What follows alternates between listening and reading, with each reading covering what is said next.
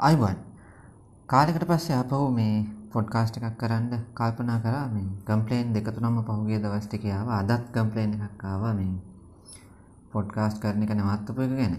නවත්තුවා කියන්නේ ඇත්තටම ඒකට හේතු වුණේ පහුගිය දවස්වල මේ TikTok එක පැත්තේ ටිකක් කරක් ගහන්න පටන් ගත්තු හින්දා ඒක අත්හදා බලමින් තමයි හිටියේ.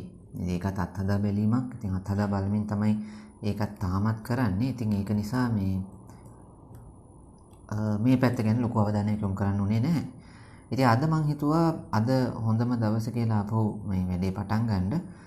පළවෙනිම මං කල්පනා කරේ 2022 දැන් අද අප්‍රේල් 25 වෙනිදා ඊයේ අප්‍රේල් 24 වෙනිදා ප්‍රංශ ජනාධිපතිවරණයේ දෙවැනි වටේ පැවැත්වුණා. ඒකින්ද ප්‍රංශ ජනාධිපතිවරණය ගැන කතා කරගෙනලා අපිට මේ කතා බහ පටන් ගන්න පුළුවන්. කියලා තමයි කල්පනා කරේ. විශේෂයෙන්ම ඉන්දියාව ගැන විස්තර කතා කරන්න බලාපොරොත්තු වෙන හිටියා පහුගිය කාලේ. නමුත් ඒක කරගන්න බැරි වුණා. ඉන්දියාව ගැන කතා කරන්න දේවල් තියෙනවා. ඉන්දියාව දේශපාලනය කියන්නේ හැමදාම අලුත් වෙන එකක්. මම හැමදාම කියනවා. ඉතින් ඒ ගැනත් කතා කරන්න දේවල් තියෙනවා. අපි ඉස්සරහට කතා කරගෙන යමු. ප්‍රංශ ජනාධිපතිවරණය හැම අවුරුදු පහකටම සැරයක් පැවැත්වෙනවා ප්‍රංශ ජනාධිපතිවරණයක්. එතකොට මේ අවුරුද්දේ ජනාධිපතිවරණය පළවෙනි වටේ පැවැත්වුණේ අප්‍රේල් මාසේ 10 වෙනිදා දෙවැනි වටේ පැවැත්වුණේ අප්‍රේල් මාසේ 24 වෙනිදා. දැන් මැතිවරණේ පැවැත්වෙන විදිය ගැන සරලව කිව්වොත් එහෙම වට දෙකක උපරිමයෙන් වට දෙකකින් පැවැත්වෙනවා. තනි වටයකින් ඉවර වෙන්නත් පුළුවනි. පළමුවන වටේදී සියලුම අපේක්ෂකයෝ කියන්නේ අපේක්ෂකයෝ යම් කිසි ප්‍රමාණයක් තරඟ කරනවා. ඒ තරඟ කරාට පස්සේ ඔවුන්ගෙන් එක යම් කිසි අපේක්ෂකයෙක් 50කට වඩා ඡන්ද ලබා ගත්තොත් පළවන පළ මේ ඔහු හෝ ඇය ජනාධිපති විදිහට තෝරාපත් කරගන්නවා. යම් කිසි හේකින් කිසිම අපේක්ෂකයෙකුට 50කට වඩා ඡන්ද ගන්න බැරි වුණොත් පළවෙනි ස්ථාන දෙක ලබා ගන්නා අපේක්ෂකයෝ දෙන්න අතරේ දෙවනි වටේ ඡන්ද විමසීම පැවැත්වෙනවා. මේ විදිහට තමයි මැතිවරණය පැවැත්වෙන්නේ. එතකොට මැතිවරණයට තරම් කරන්න ජනාධිපතිවරණයට තරම් කිරීම සඳහා අපේක්ෂකයෙක්ට අත්සන් 500ක් එකතු කරගන්න ඕනේ. මේ ජාතික මට්ටමේ හෝ ප්‍රාදේශීය මට්ටමේ මහජන ඡන්දයෙන් තීරීපත් වෙච්ච යම්කිසි නිලධාරියෙක් කියන්නේ නගරාධිපතිවරු වෙන්න පුළුවන් එහෙම නැත්නම් පාර්ලිමේන්තු මන්ත්‍රීවරු ඒ වගේ 500 දෙනෙක්ගේ අත්සන් සහිත අත්සන් සහිතව මේ ලේඛනයක් ඉදිරිපත් කරන්න ඕනේ. එතකොට ජනාධිපතිවරණයට තරඟ කිරීම සඳහා අවස්ථාව ලැබෙනවා. හැබැයි දැන් මේ 500 දෙනා එක පළාතකින් එහෙම අරගෙනත් හරියන්නේ ප්‍රංශේ තියෙනවා දිස්ත්‍රික්ක තියෙනවා ඒවට දෙපාර්තමේන්තු කියන්නේ. දෙපාර්තමේන්තු එහෙම නැත්නම් විදේශීය ප්‍රදේශ තියෙනවා. ප්‍රධාන ප්‍රංශ භූමියෙන් එහා අපි දන්නවා කැරිබියන් දූපත්වල තියෙනවා ඊළඟට පැසිෆික් සාගරයේ දූපත් වල තියෙනවා රියුනියන් දූපත තියෙනවා ඉන්දියන් සාගරේ ඒ වගේ ප්‍රදේශ තියෙනවා. එතකොට ඒ වගේ අර දෙපාර්තමේන්තු හෝ විදේශීය දිස්ත්‍රික්ක තිහකින් හෝ ඊට වැඩි ගණනකින් අත්සම් පන්සීයක් එකතු කරගන්නට අවශ්‍යයි. එහෙම කරගත්තොත් අපේක්ෂකෙක්ට තරඟ වදින්න අවස්ථාව ලැබෙනවා. ඉතින් මේ අවුරුද්දේ අපේක්ෂකයෝ 12 දෙනෙක් මේ විදිහට තරඟ කරන්න ඉදිරිපත් වුණා. මේ 12 දෙනා අතරේ ප්‍රධාන අවධානය යොමු වුණේ ජනාධිපති එමානුවල් මක්‍රොන් දෙවනි වතාවට ජනාධිපති ධූරය සඳහා තරඟ වදින. ඊළඟට Marine Le Pen, Jean Luc Melenchon, Eric Zemmour සහ වලේරි පෙක්රේස් කියන අපේක්ෂක අපේක්ෂිකාවන් පස් දෙනා ගැන තමයි වැඩි අවධානය යොමු වුණේ. මීට අමතරව හරිත පක්ෂයේ යනික් යදොත් ඊළඟට Jean Lassalle Fabien Roussel Nicolas Dupont Aignan Anne Hidalgo සමාජවාදී පක්ෂයේ පැරිසිය නගරාධිපතිනිය ෆිලිප්පොටු සහ නතලි අර්තෝ. ඇය බොහොම මේ මහිතන ට්‍රොට්ස්කිවාදී වාමාංශික පක්ෂයක අපේක්ෂිකාවක්. ත්‍රෝය දොළොස් දෙනා තමයි මේ වතාවේ පළවෙනි වටේදී තරඟ වැදුනේ. මේන් ප්‍රධාන අවධානය යොමු වුණේ Emmanuel Macron, Marine Le Pen, Jean Luc Melenchon, Eric Zemmour සහ වලේරි පෙක්රේස් දිහාවට. දෙදස් විසික අවුරුද්දේ සැප්තැම්බර් විතර වෙද්දී ඇතරම් මට මුණගැහුණ ප්‍රංශ ප්‍රංශය දේශපාලකයෙක් ඔය ජාතිකවාදී කඳවරට අයිති ඔහුත් එක්ක කරපු කතාවහිදී ඔහු මට කියපු දේ තමයි දෙව ජනාධිපතිවරණය දෙවනි වටය අනිවාර්යයෙන්ම මානුවල් මක්‍රෝන් සහ මාරින් ලෙපෙන් අතරේ තමයි පැවැත්වෙන්නේ කියලා. කාටවත් 50ක් පළවෙනි වටේදී ගන්න බෑ. ඒ අනුව දෙවෙනි වටේ සඳහා යන්න සිද්ධ වෙනවා. දෙවෙනි වටේදී මැක්‍රෝන් සහ ලෙපෙන් අතරේ තමයි තරඟය පැවැත්වෙන්නේ කියලා ඔහු මාගෙත් එක්ක ප්‍රකාශ කරා. ඒ වෙනකොට ඒක තමයි හැමෝම බලාපොරොත්තු වෙච්ච තත්ත්වය. මෙතෙන්දී ඇත්තටම ප්‍රංශ දේශපාලනයේ පහුගිය දශකයක තුල සිද්ධ වෙච්ච යම් කිසි වෙනස්කමකුත් තියෙනවා. අපි ඒකට තව පොඩ්ඩකින් එමු. කොහොම හරි ඕක තමයි බලාපොරොත්තු වෙච්ච தත්ත්වය. ඊට පස්සේ මේ ඡන්ද බිමට ආවා කඩාපාත් වුණා එරික් සෙමූර් කියන මිනිස්සයා. එරික් සෙමූර් කියන මිනිස්සයා සම්පූර්ණයෙන්ම මේ කතන්දරේ අවුල් ජාලාවක් බවට පත් කරා.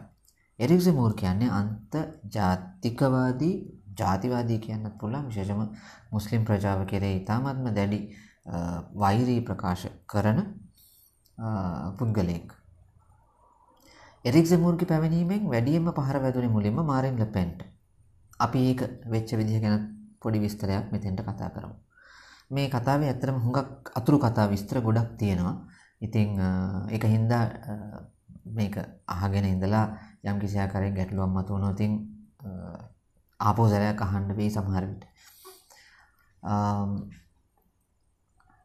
ප්‍රංශ ජාතිකවාදී කඳවුරේ ප්‍රබලම පුරුක තමයි පහුගිය අවුරුදු 10ක විතර කාලය ඇතුලේ මාරින් ලෙපෙන්. මාරින් ලෙපෙන් ඇත්තටම මාරින් ලෙපෙන්ගේ පියා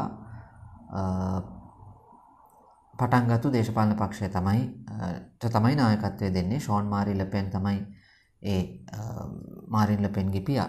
මාරින් ලෙපෙන්ගේ පියා ෂෝන් මාරි ලෙපෙන් බොහොම අන්තර්ජාතිකවාදී දේශපාලකයෙක්. හැබැයි හොඳට කියවන එහෙම මිනිස්සෙක්. දැන් වක් වයසයි අවුරුදු 90කට කිට්ටුයි. කොහමරි මාරින් ලෙපෙන් පක්ෂයේ නායිකාව බවට පත් වුණාට පස්සේ තමන්ගේ පියා ඇගේ පියා නායකත්වය මාරින් ලෙපෙන්ට ලබා දෙනවා. නායකත්වයට පත් වෙනවා.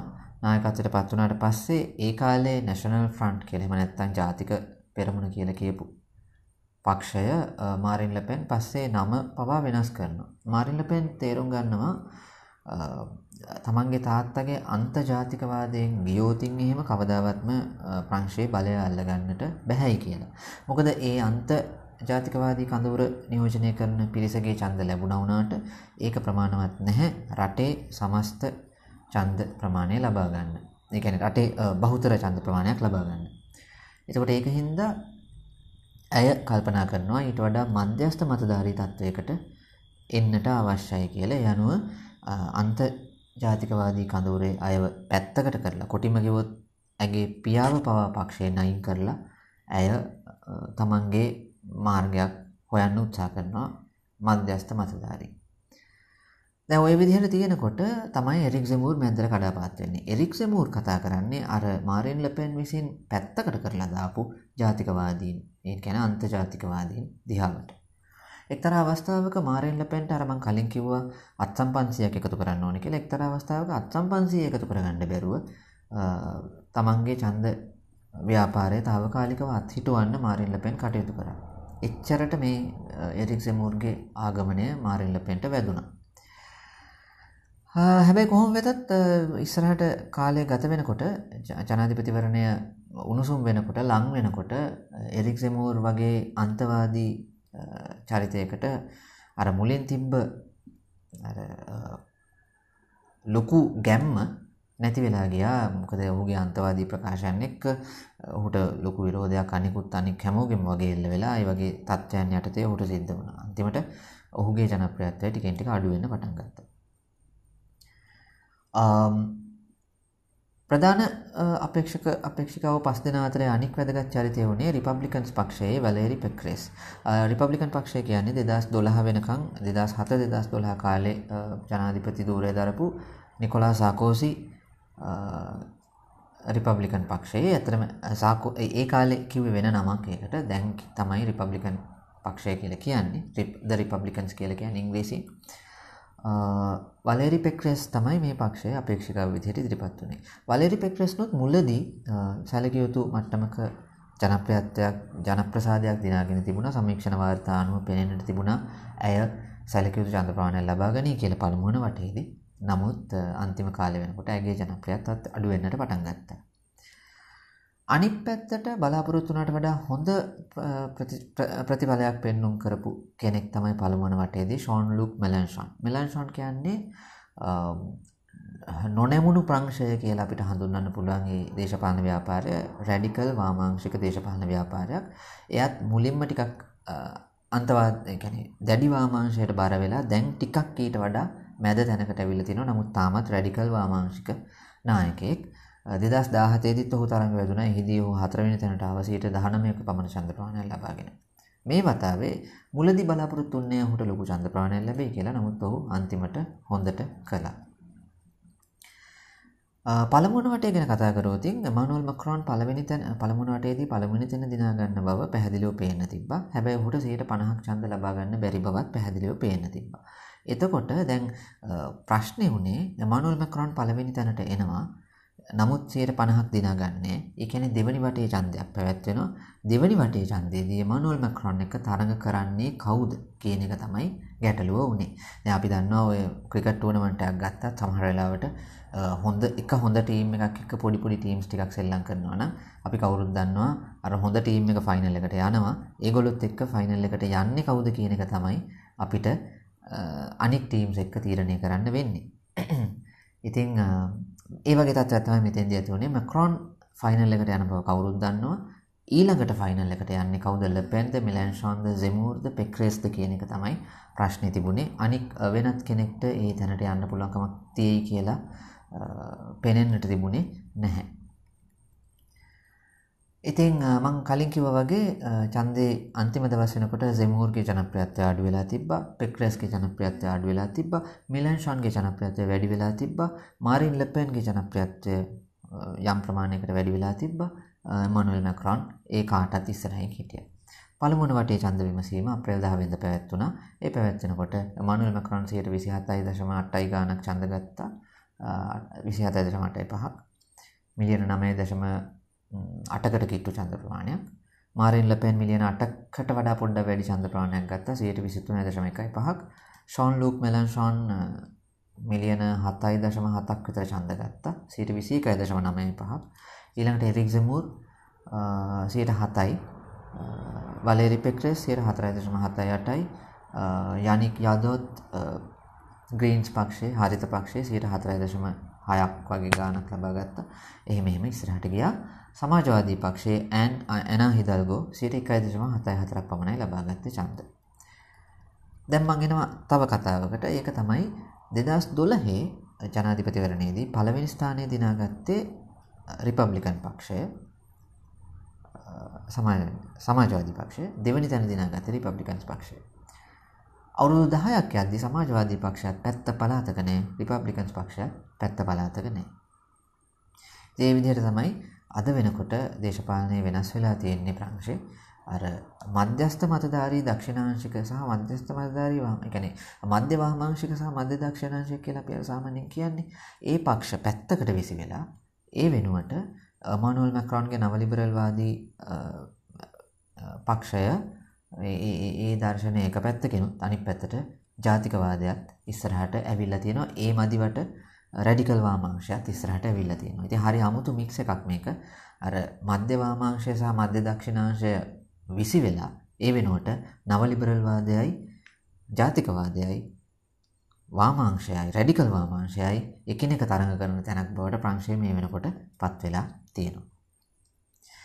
පළමුව වටේ ඡන්ද විමසීම අවසන් වුණාට පස්සේ දෙවෙනි වටේ ඡන්ද විමසීම සඳහා කටයුතු සූදානම් වුණා. එතකොට ඇත්තටම අප්‍රේල් මාසේ 10 වෙනිදා ඡන්ද විමසීම ඉවර වුණාට පස්සේ පළවෙනි වටේ ඡන්ද විමසීම ඉවර වුණාට පස්සේ ඒ ආසන්න දිනවල ලබාගත් වූ ජනමත සමීක්ෂණ අනුව පෙනී ගිය කාරණයක් තමයි මක්‍රොන් සහ ලෙපෙන් අතර ටිකක් කරට කර තරගයක් බලාපොරොත්තු වෙන්න පුළුවන් කියන එක. මක්‍රොන්ට 53ක විතර පිරිසක් ඡන්දය දෙනවයි කියලා කියද්දි ලෙපෙන්ට 47ක් විතර ඡන්දය දෙනවයි කියලා තිබුණා. එතකොට ඒ කියන්නේ පොඩි දෙයකින් මේක අනිත් පැත්ත හැරෙන්න පුළුවන්කම තියෙන මාජින් එකේ තමයි තිබුණේ. හැබැයි ඊට පස්සේ දවස් දෙක තුනක් යනකම් ලෙපෙන් හොඳ ෆයිට් එකක් දුන්නා. ඊට පස්සේ ලෙපෙන්ට නරක පැත්තට කටයුතු හැරෙන්න පටන් ගත්තා. එක කාරණයක් වුණේ ලපෙන් පුටින්ගේ මේ ඉත් එක්ක කියලා චෝදනාවක් එල්ල වෙන්න පටන් ගත්ත එක. ඒකට හේතු වුණේ මේ දවස්වල යුක්‍රේන යුද්ධයත් එක්ක ලොකුවට සම්බාධක දාලා තියෙන රුසියාව විරුද්ධ බලශක්ති ක්ෂේත්‍රයට සම්බාධක දැමීමට ලපෙන් විරුද්ධ වුණා. ලපෙන්ගේ තර්කය වුණේ ඒකෙන් ප්‍රංශයේ සාමාන්‍ය ජනතාවට ලොකු පීඩාවක් ඇති වෙනවා. ඒක හින්දා රුසියාවත් එක්ක බලශක්ති ගනුදෙනු පිළිබඳ සම්බාධක නොදැමිය යුතුයි කියලා. නමුත් මේක අනික් පැත්ත ලපෙන්ගේ විරුද්ධ පැත්ත අර්ථ දැක්වුවේ පුටින්ට සහාය දීමක් විදිහට. ඊට අමතරව ඇගේ පක්ෂාර මුදල් පිළිබඳ ගැටලුවක් මතුවුණා චෝදනා එල්ල වුණා දූෂණ චෝදනාවක් එල්ල වෙන පටන් ගත්තා. ඊට අමතරව මේ ඇය කියලා තිබ්බා මුස්ලිම් කාන්තාවන් හිස ආවරණය කරන මූණ ආවරණය කරන එක නෙමෙයි හිස ආවරණය කරන හිජාබ් එක තහනම් කරනවා කියලා. ඒක සම්බන්ධයෙන් ලොකු විවාදයක් නිර්මාණය වුණා. මේ ඔක්කොම කාරණා තියෙද්දි අප්‍රේල් මාසයේ 21 වෙනිදා මේ ප්‍රධාන අපේක්ෂකයෝ දෙන්නගේ විවාදය පැවැත්වුණා. ඒ විවාදයේදී මැක්‍රොන් වැඩිපුර වාසි තමන්ගේ පැත්තට හරවගත්තා. එයින් පස්සේ මැක්‍රොන් ජයග්‍රහණය කරන බවට බොහොම පැහැදිලිව පේන්න තිබ්බා. මැක්‍රොන් උත්සාහ කරා ෂෝන් ලුක් මෙලන්ෂොන්ගේ මොකද සියට විස්සක් විතර ඔහුට ඡන්දය දීපු හින්දා සියට 21ක් 22කට කිට්ටු ප්‍රමාණයක් ඔහුට ඡන්ද මෙලන්ෂොන්ට ඡන්ද දීපු හින්දා මෙලන්ෂොන්ගේ ඡන්ද පුළුවන් තරම් තමන්ගේ පැත්තට හරවා ගැනීමට මෙලන්ෂොන්ගේ ඡන්ද මෙලන්ෂොන්ට ඡන්දය දීපු රැඩිකල් වාමාංශිකයෝ හැමෝම නෙමෙයි වැඩි හරියක් ඇත්තටම මේ මක්‍රොන්ගේ නවලිබරල් දර්ශනයත් එක්ක එකඟ නැහැ. හැබැයි ඒ අතරේ සමහර පිරිස් හිටියා මාරින් ලෙපෙන් දිනන එක නවත්වන්න මැක්‍රොන්ට ඡන්දෙ දෙන්න ලෑස්ති. මෙන්න මේ කට්ටියට තමයි මැක්‍රොන් ආමන්ත්‍රණය කරේ. අන්තිම රැස්වීම මැක්‍රොන් පැවැත්වුවේ අන්තිම ඡන්ද රැස්වීම පැවැත්වුවේ පැරිස් නගරයේ කිට්ටු සැන්දෙනී කියන ප්‍රදේශයේ. සැන්දෙනී කියන්නේ එක පැත්තකින් සංක්‍රමණිකයෝ 120ක් විතර ඒ ඒ ප්‍රදේශයේ ඉන්න අයගෙන් 120ක් විතර ඉන්නේ සංක්‍රමණිකයෝ. ඊට අමතරව වැඩ කරන ජනතාව කම්කරු ජනතාව වැඩිපුර ඉන්න ප්‍රදේශයක් පළමුුවන වටේදී මිලන්ශන්ට සීට හැටක් විතර චන්ද ලැබිච්ච තැනක් එතනට තමයි මක්‍රොන් අන්තිම රැලිය සඳහා ගිය. ලපෙන් තෝරගත්තේ තමන්ගේ සාම්ප්‍රදායික හදවිම තමගේ සම්ප්‍රදායක බලකොටුව වෙච්ච උතුරු දිග ප්‍රංශයේ ප්‍රදේශය.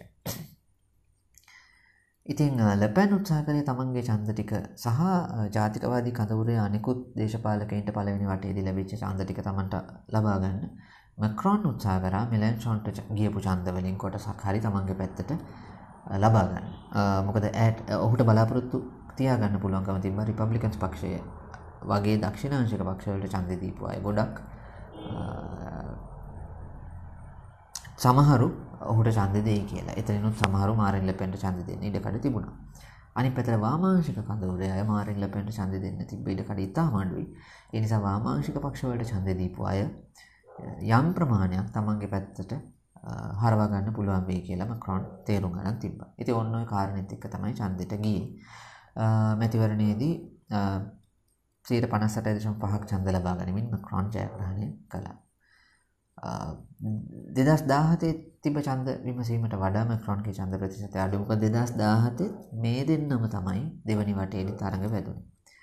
එතෙන්දි මැක්‍රොන් පහසුවෙන්ම ජයග්‍රහණය කරා මෙතෙන්දි ඊට වඩා ඡන්ද ප්‍රතිශතය ටිකක් අඩු වෙලා තියෙනවා. ඉතින් මාරින් ලෙපෙන්ගේ පැත්තෙන් ගත්තොත් මාරින් ලෙපෙන් සාර්ථක විදිහට තමන්ගේ පක්ෂය වෙනස් කරලා අලුත් විදිහකට නිර්මාණය කරලා තියෙනවා කියලා අපිට දකින්න පුළුවන්. හැබැයි මාරින් ලෙපෙන් කියලා තියෙනවා චන්දයට කලින් කිව්වා ආයෙත් ජනාධිපතිවරණයකට ඇය තරඟ කරන්නේ නැහැ කියලා. ඉතින් අපි දන්නේ ඒක වෙනස් වෙයිද කියලා අනාගතයේදී. නමුත් එහෙම නොවුනොත් මාරින් ලෙපෙන්ට ජනාධිපති ධූරය සඳහා තිබු බලාපොරොත්තු ඉවරයි. ඇය ආපහු තරඟ නොකළොත් ඉතිහාසයේ අනාගතයේදී. ඉතිහාසයේදී මේ අනාගතයේදී. ඉතින් ප්‍රංශයේ පාර්ලිමේන්තු මැතිවරණයක් තව ටික දවසකින් පැවැත්වෙන නියමිතයි සති කිහිපයකින්. දැන් මේ වෙනකොට දේශපාලන පක්ෂය සඳහා කටයුතු ආරම්භ කරලා තියෙනවා. විශේෂයෙන්ම පළවෙනි දැන් පළවෙනි වටේට තරඟ කරලා දෙවෙනි වටේට තීරීපත් නොවිච්ච දේශපාලන පක්ෂවල වැඩ අය දැනටමත් වැඩ කටයුතු පටන් අරගෙන තියෙනවා. ඉතින් මක්‍රෝන්ට දැන් අවස්ථාව තියෙනවා තවත් අවුරුදු පහක් ප්‍රංශය පාලනය කරන්න ජනාධිපති විදිහට හැබැයි දැන් ඔහුගේ පක්ෂයට පුළුවන් වෙයිද පාලිමේන්තු බහුතරය තියාගන්න කියන එක වෙනම ගැටලුවක් ඒක අපිට බලන්න වෙන්නේ මං හිතන්නේ ජූනි මාසයේ විතර තමයි ඡන්ද ප්‍රයත්න නියමිත. එතකොට තමයි බලන්න සිද්ධ වෙන්නේ. පළම 2017 දී ඇත්තටම මැක්‍රොන් පහසුවෙන්ම මොකද මැක්‍රොන් උත් අලුත් පක්ෂයක් හදාගෙන ආවේ. ඉතින් මැක්‍රොන්ගේ පක්ෂය පහසුවෙන්ම පාර්ලිමේන්තු බහුතරය දිනාගත්තා. නමුත් මේ වතාවේ ඒක දිගටම පවත්වාගෙන යන්න පුළුවන් වේද කියන එක ගැන අපිට දැම්ම අනාවේක කියන්න කල් වැඩි. ඉතින් ඔන්න ඔහොමයි ප්‍රංශයේ ජනාධිපතිවරණයේ තත්ත්වය. අපි ළඟදි දවසක කතා කරමු ඉන්දියාව ගැන. ඉන්දියාවේ කොංග්‍රස් පක්ෂය ගැන කතා කරන දේවල් ටිකක් තියෙනවා. අපි ඒ ගැන කතා කරන පොඩ්කාස්ට් එකකින් ළඟදිම හම්බ වෙමු. එහෙනම් අදට ගිහිල්ලා එන්න.